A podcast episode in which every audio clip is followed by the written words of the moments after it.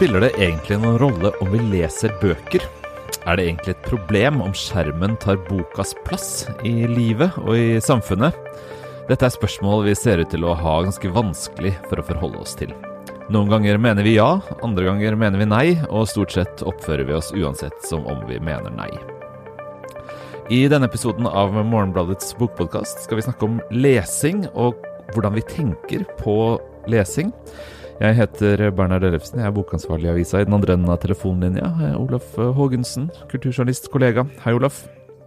Hei, Bernhard. Ja, du holder ut som Anes kollega. Nei, jeg, jeg mener kollega. Det holder du selvfølgelig ut som vikar. Du holder ut som Anes vikar. Jeg gjør det. Jeg stiller opp og snakker og produserer innhold. Ja, det, det, er, det, det, er, godt.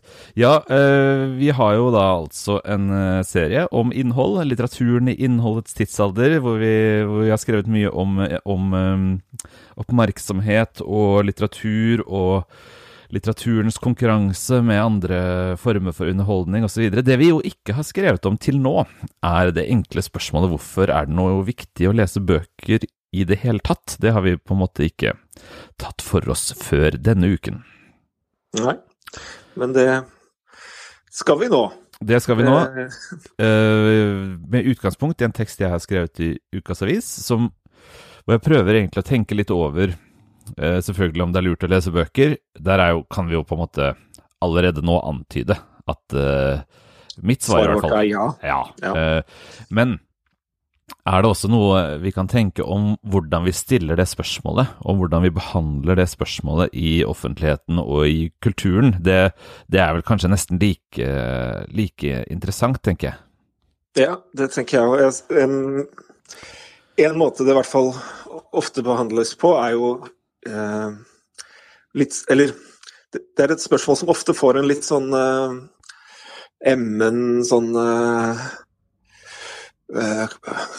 snobbeklang ved seg, liksom. Mm. Mm. Selvfølgelig er det bra å lese skal lese Prost og ikke se på TV, og, og sånn moralistisk eh, eh, tatt for gitthet på vegne av boka, men uten at man egentlig sier så mye om hvorfor, eller har en Eh, putter det i noe bredere sammenheng, da, dette spørsmålet. Ja, vi har jo vært innom det faktisk i, i podkasten tidligere, Ane og jeg. Vi har, vi har, diskutert det. Ane er, ikke fullt så sikker på at det er så viktig, faktisk. Det er litt interessant, er, og det er nok nettopp av den grunn at hun er ganske utålmodig med den moralistiske siden uh, ved ved den insisteringa på bokas betydning, og det beviselige faktum at det finnes gode mennesker i verden som ikke leser bøker. Eh, så hun har, jeg syns hun har på en måte gode grunner til å være litt, eh, ja, litt utålmodig da, med, med spørsmålet.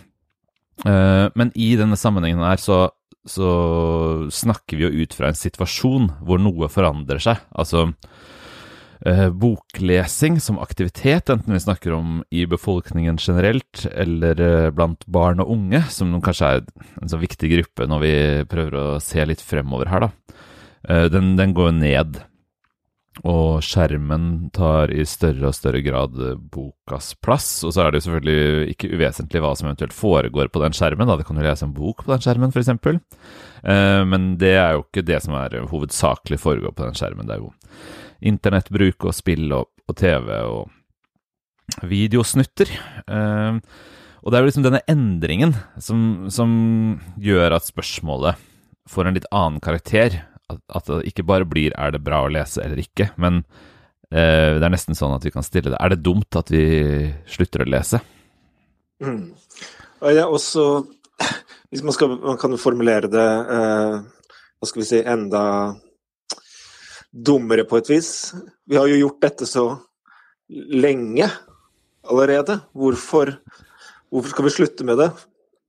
Altså, mm. det er egentlig på en sånn uh, det, det, er jo en måte å stille spørsmål på som uh, uh, egentlig er en så god ideologikritisk ånd. Bare fordi man har gjort noe, så betyr det ikke at man bør fortsette å gjøre det, da. Men mm. akkurat i dette tilfellet så bør det bør kanskje det spørsmålet stilles. Boka har vært den litterære kulturen da, i liksom bred forstand, med en skriftlig diskusjonskultur der uh, politiske debatter og sosiale spørsmål og egentlig på en måte hele den store samfunnssamtalen har gått gjennom bøker og uh, tekst, da.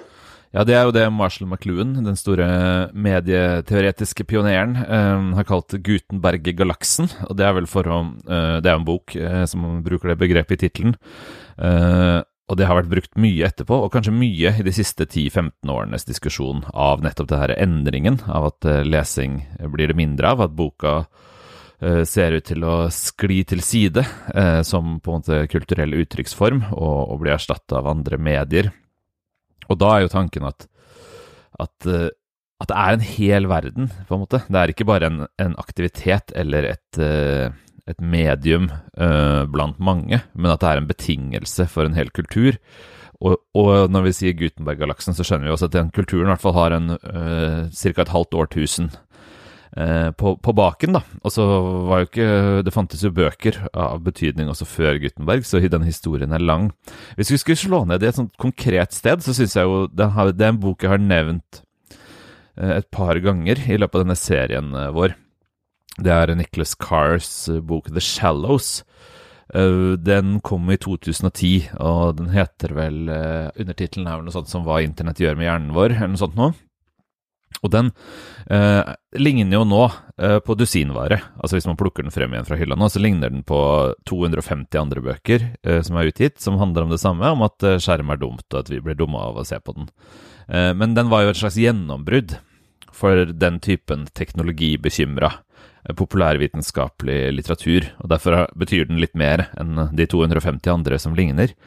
Og den er jo ekstremt innretta på akkurat det du sier, altså at uh, det som skjer, uh, er at en hel måte å organisere kunnskap, uh, tenkning, kunst selvfølgelig, på, en hel måte å forholde seg til det på, er det som forsvinner når, når vi forlater Gutenberg-galaksen. Mm. En ting jeg tenkte på når jeg leste essayet ditt, altså Gutenberg-galaksen som begrep og denne diskusjonen om bokas plass i kulturen og sånn. Den har fått ny intensitet uh, de siste årene, da, og gjerne i en sånn oppmerksomhetsdebatt uh, eh, knytta til uh, internett da, og skjermene vi bruker. Uh, det har vi for så vidt også vært inne på tidligere, men at den, den utgangen, den, eller ferden ut av Gutenberg-galaksen, må jo ha begynt mye tidligere enn i 2010, da, for å sette det på spissen. Altså Det har jo lenge vært eh, masse medier.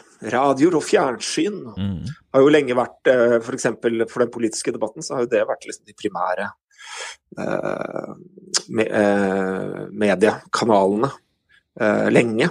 Mm. Eh, mm. Ja da, og derfor er, jo, er jo dette et, en problemstilling som McLuhan da tross alt var en som liksom virkelig uh, åpnet dører innenfor, og det var jo på 60-tallet. Uh, I hvor det er på en måte de elektriske, elektroniske mediene som er, representerer det nye, og, og som er utfordringen for, for, de trykte mediene. Så det, det er jo en veldig eh, hva skal jeg si da, stødig linje i tenkninga om dette, kritikken av, eh, av det, eh, bekymringa for det, gjennom eh, 50 år, ja. Hvor, hvor, det vi har snakka om før, altså at, at folk eh, i løpet av bare et par tiår begynner å bruke tre, fire, fem timer av hver eneste dag på å se på TV. Eh, at det kanskje er en enda større omveltning enn den vi har vært gjennom de siste to tiårene, hvor vi bruker eh, to, tre, fire, fem, seks timer med eh, skjermer som er interaktive, da, og mer og mer bærbare. Men, men man ser vel likevel kanskje at altså, boka har blitt ytterligere fordrevet, da. Og kanskje også fordi den ikke bare liksom blir marginalisert, men for mange helt forsvinner. Altså at TV gjorde Eh, forholdet til eh, bøker eller lesing tynnere for mange, kanskje. Eh, at det ble mindre av det. men det at boka skulle på en måte, nesten i hvert fall, da, se ut til å kunne forsvinne, det, det skjerper vel greiene, på en måte. Ja. En liten sånn David, et lite parad Jeg vet ikke om det er et paradoks, men i hvert fall en jeg har merket meg, da, er jo at boka, selv om den mister, mister eh, plass som kommunikasjonsverktøy, da, kall det det, eh, så lever den ganske godt som statusobjekt fortsatt. Det er at altså, Politikerne, Jonas Gahr Støre og Erna Solberg, sånn, de utgir alle bøker i sitt navn. og Samtidig har jeg veldig lite inntrykk av at det egentlig er uh, bøker som tar sikte på å forklare deres politiske synspunkter. Selvfølgelig gjør de det også, men at det ikke er det primære, primære funksjonen til det. At det å liksom ha, en, ha, bøker i sitt navn uh, fortsatt likevel er viktig. Da. Det ser man ja. også på at det er veldig mye altså, av, uh, kjente mennesker fra liksom, andre deler av kulturen, uh, som ikke er den litterære kulturen, som utgir bøker, og som ønsker å utgi bøker, og som forlagene ønsker å utgi bøker av. Ja, det er jo ikke sånn at boka forsvinner i morgen, og det er jo, det har, som du sier, det har store Altså som kulturelt objekt i den forstand, så har det betydning. Eh, det går fortsatt an å tjene penger på å skrive bøker. Det er nok eh, ikke uvesentlig for andre kjendiser da, enn politikerne. Altså det er lettere faktisk å tjene penger på å skrive en bok enn på å ha en Instagram-konto, selv om det er mange flere som ser Instagram-kontoen, kanskje. Altså Sånne ting er jo i spill, men som eh, medium, ikke sant, som tenkemåte for et helt samfunn, eh, så, så, er vel kanskje det liksom på siden av eh, poenget. Altså ja, ja. hvordan, hvordan tilegner vi oss kunnskap, hvordan Uh, Absolutt. Jeg så, så på, tenkte på det som et sånn eh, dekadenstrekk. det, det, er en, en, en, en, trekk i en døende kultur. Mm. Uh, men så er jo spørsmålet, da, skal man uh, gjøre noe uh, for å redde det, hvis man, hvis man, tenker at det er noe som er døende, eller i hvert fall på vei til å bli det? Uh, kan man gjøre noe, skal man gjøre noe? Og Det syns jeg er skikkelig vanskelig spørsmål. Altså, Tror man at det går an å gjøre noe med saken, liksom? Altså at um, Kan man bremse f.eks. bruken av altså unge menneskers avhengighet, da? Eller i hvert fall Uh, intense og varige glede over uh, små og store skjermer, og få dem til å lese bøker. Er det, er det mulig i det hele tatt? Hva tenker du liksom om det Bare det spørsmålet uh, står for meg som en vanskelig Kanskje den vanskeligste hindringen. Skal vi tenke at det er mulig, eller må det bare fortsette av seg selv? Jeg syns vel at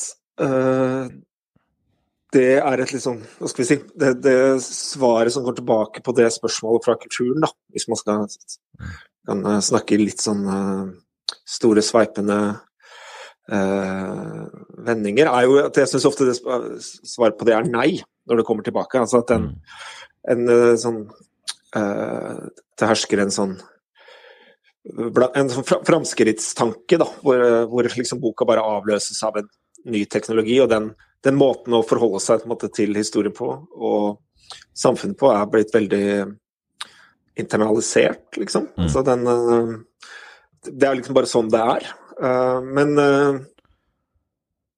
jeg tror jo Det andre svaret er at ja, det kan man jo. Det er jo mulig å ta grep. Det kan jo være Eh, det må jo være store, radikale grep, men du kan jo f.eks. Du kan jo forby eh, skjermer i skolen. Det er jo mulig, det.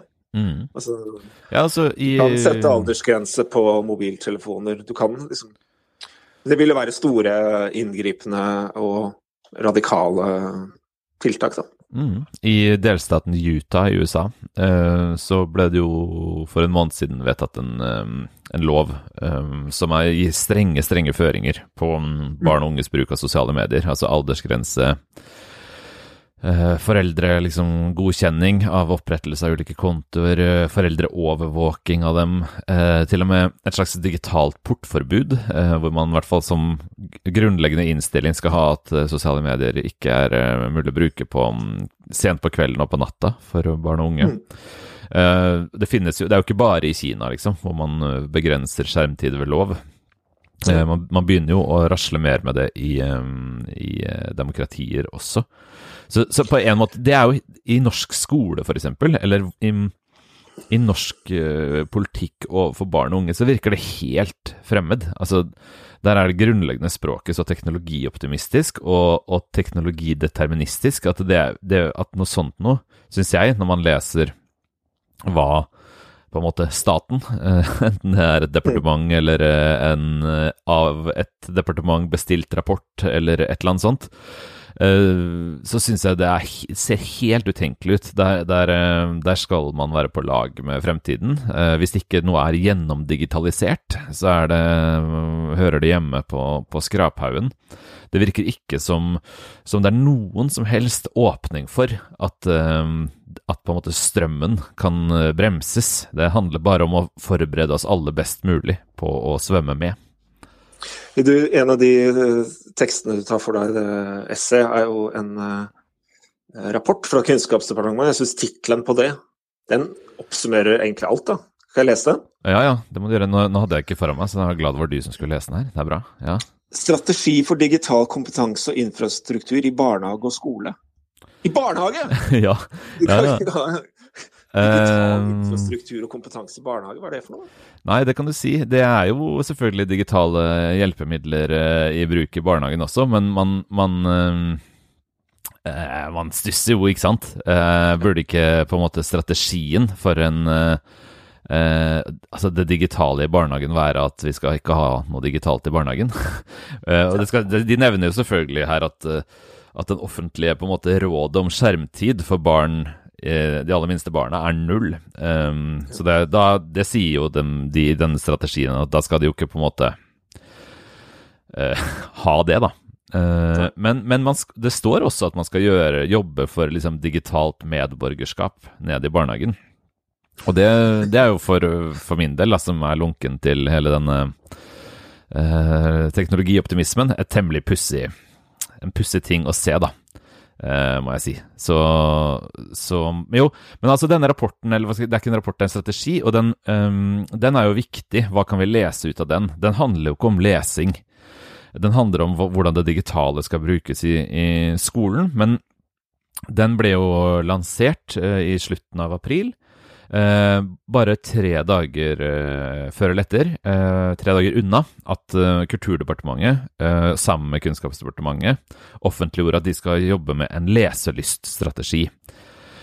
Eh, her snakker vi jo på en måte om et lokomotiv og en lekebil i hva størrelsesomfang og liksom tyngde gjelder. det skjønner man på hele, hele kommunikasjonen rundt. Altså den strategien for bruk av digitale uh, virkemidler i skolen. Det er en gigantisk ting. Um, leselyststrategi, aner vi, er en noe mindre ting, uh, kan vi vel si. Men kanskje kan vi lese noe om hva, hva staten og regjeringen da tenker om forholdet mellom det digitale og lesing, hvis vi, hvis vi, holder disse to tingene opp mot hverandre. Nå foreligger jo ikke leselyststrategien, det skal sies det, det er et arbeid som igangsettes. Men den digitale strategien, den finnes jo der. For de tingene vi har snakket om i denne serien, altså oppmerksomhet, konsentrasjon, alle disse tingene, det er rett og slett dytta videre til et nytt utvalg, som også settes ned nå, skjermbruksutvalget.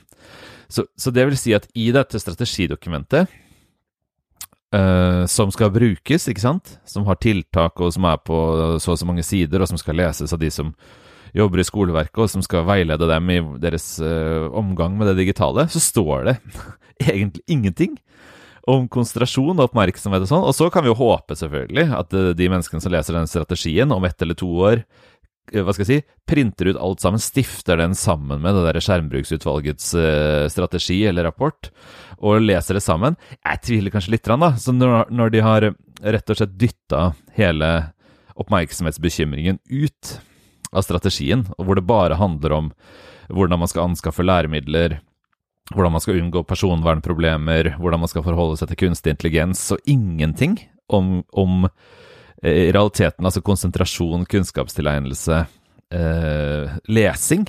eh, da får man en ganske sånn ja, hva skal jeg si, er en digital strategi som handler om noe, men ikke om noe annet. Og det den ikke handler om, er eh, lesing, konsentrasjon, oppmerksomhet. Uh, det som kunne det som kunne veiledet oss uh, i liksom Gutenberg-galaksens endetid.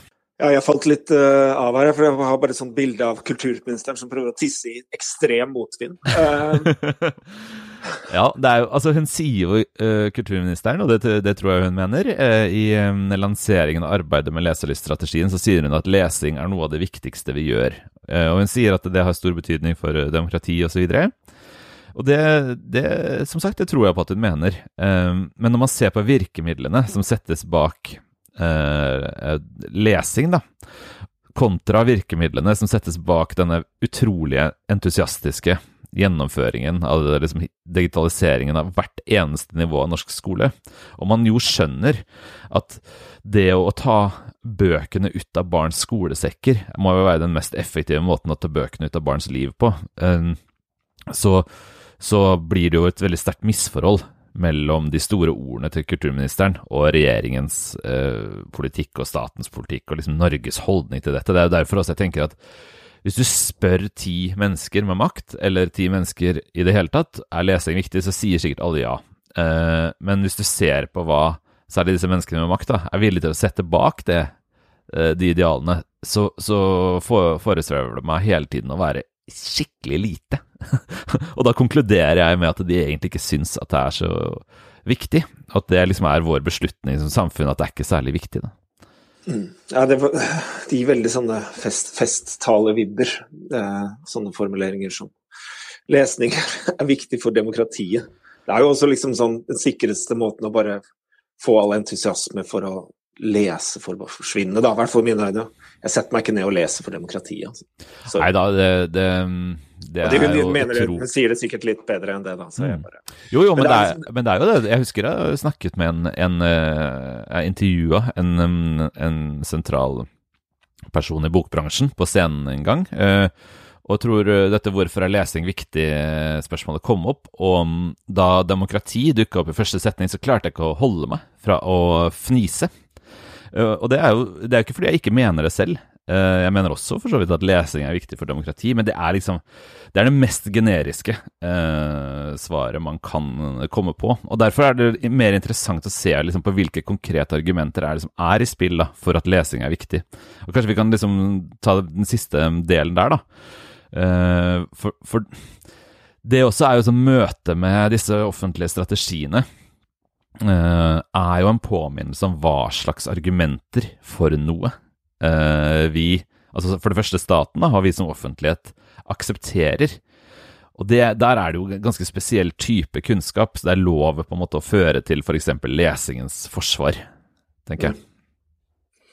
Ja, det er vel en uh, Eller det, det, du gjør et poeng av i teksten, er at det glimrer med de mer sånne den mer historiske, brede kulturkunnskapen omkring hva slags posisjon boka og lesing i århundrer har hatt i samfunnet, men at det er, ja, det er mer eh, sånne spørreskjemaer og undersøkelser og si, nevrologiske studier, er det ikke det? da? Jo, ikke sant? det er én spesiell type empiri som, som går igjen i uh, offentlig på en måte kunnskapsbaserte dokumenter av den typen. Og det, uh, det er ikke kulturhistorie eller historie som sådan, for eksempel. Da.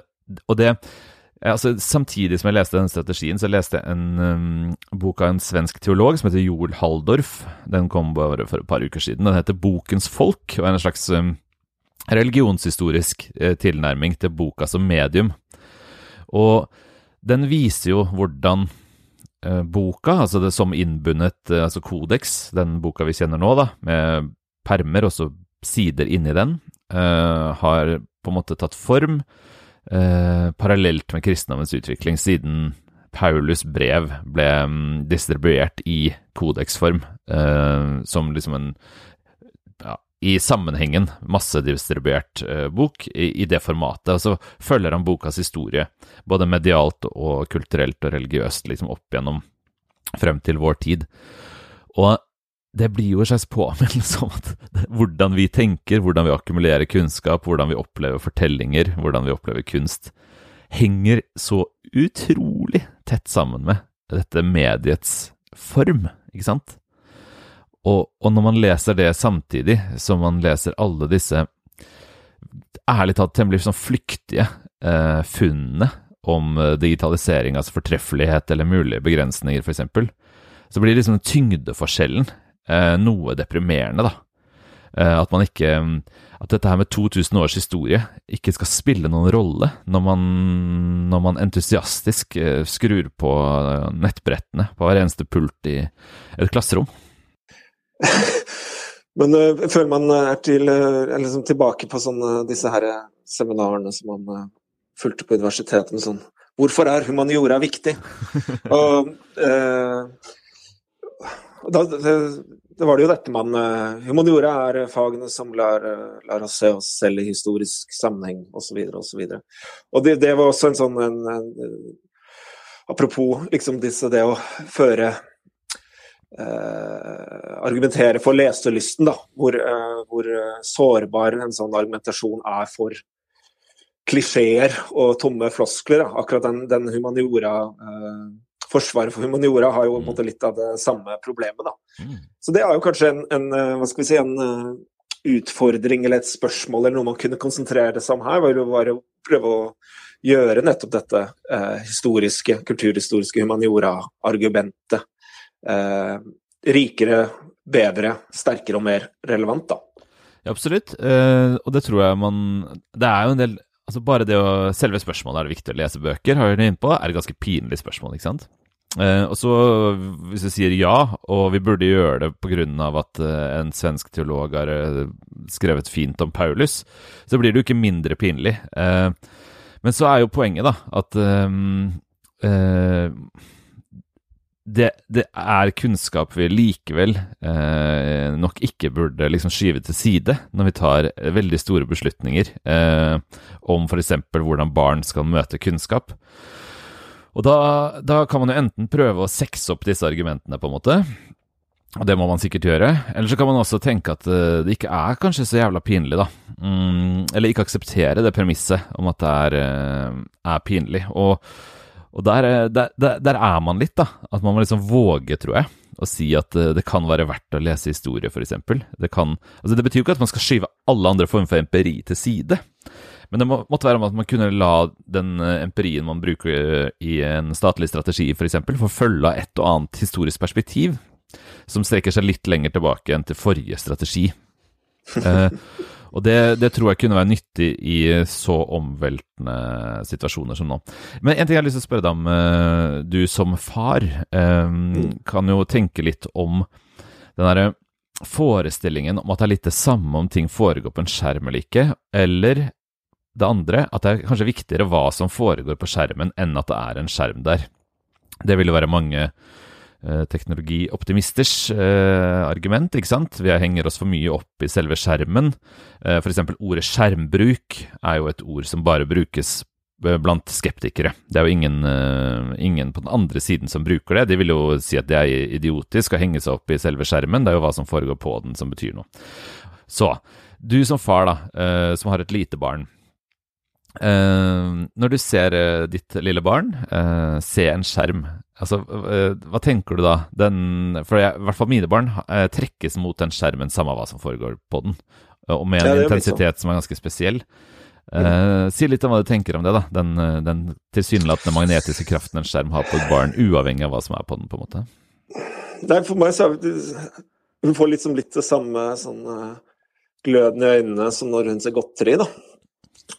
Uh, og det det avgjør også egentlig min sånn uh, måte jeg forholder meg til det på. da. Hun får ikke godteri uh, hver gang hun ser godteri, eller hver gang hun vil ha godteri. Um, så nei, jeg, den, har, den, har, veldig kraft uh, på henne. Og, men det jeg også har merka, hun er ganske liten, hun er tre nå, sånn at hun kan bli veldig sugd inn i det for en periode. Og så så mister hun på en måte en slags konsentrasjonen for akkurat det som foregår da, eh, på den skjermen. da, Bablo eller noe sånt. Men hun vil gjerne ha den på allikevel. Hvis jeg, nå er vi ferdige her, nå kan vi jo finne på noe annet. Så vil hun gjerne ha den på, hun vil gjerne ha den i rommet likevel, mens hun driver med andre ting. og så se litt på. Sånn at den, eh, den har en voldsom eh, kraft, ja. Mm. Ja, og det tenker, jeg tenker også er sånn rar ting som ikke er til stede i tenkningen om, om skjerm versus lesning. Altså denne, denne rar, Den som liksom foreldre kan observere, den rare virkningen her. Um, dette kan du altså lese om i denne ukens utgave av Morgenbladet. De, um, boken som vi nevnte, kan vi gjenta tittelen på. Joel Halldorf, 'Bokens folk'. Den er altså på svensk, da. Utgitt på forlaget Fri Tanke. Um, den var uh, interessant, syns jeg. Uh, mer interessant på det historiske enn når den kommer til nåtiden. Men, uh, men sånn er det ofte.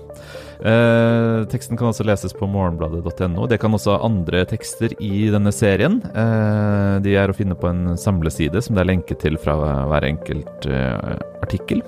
Og så håper vi jo at eh, du vil abonnere på avisen, og ikke minst lytte på vår um, søsterpodkast, kan vi kanskje kalle det. Filmpodkasten. De har sin egen feed og veldig flotte episoder. Vi snakkes igjen neste uke, Olaf. Takk for praten. Takk for praten.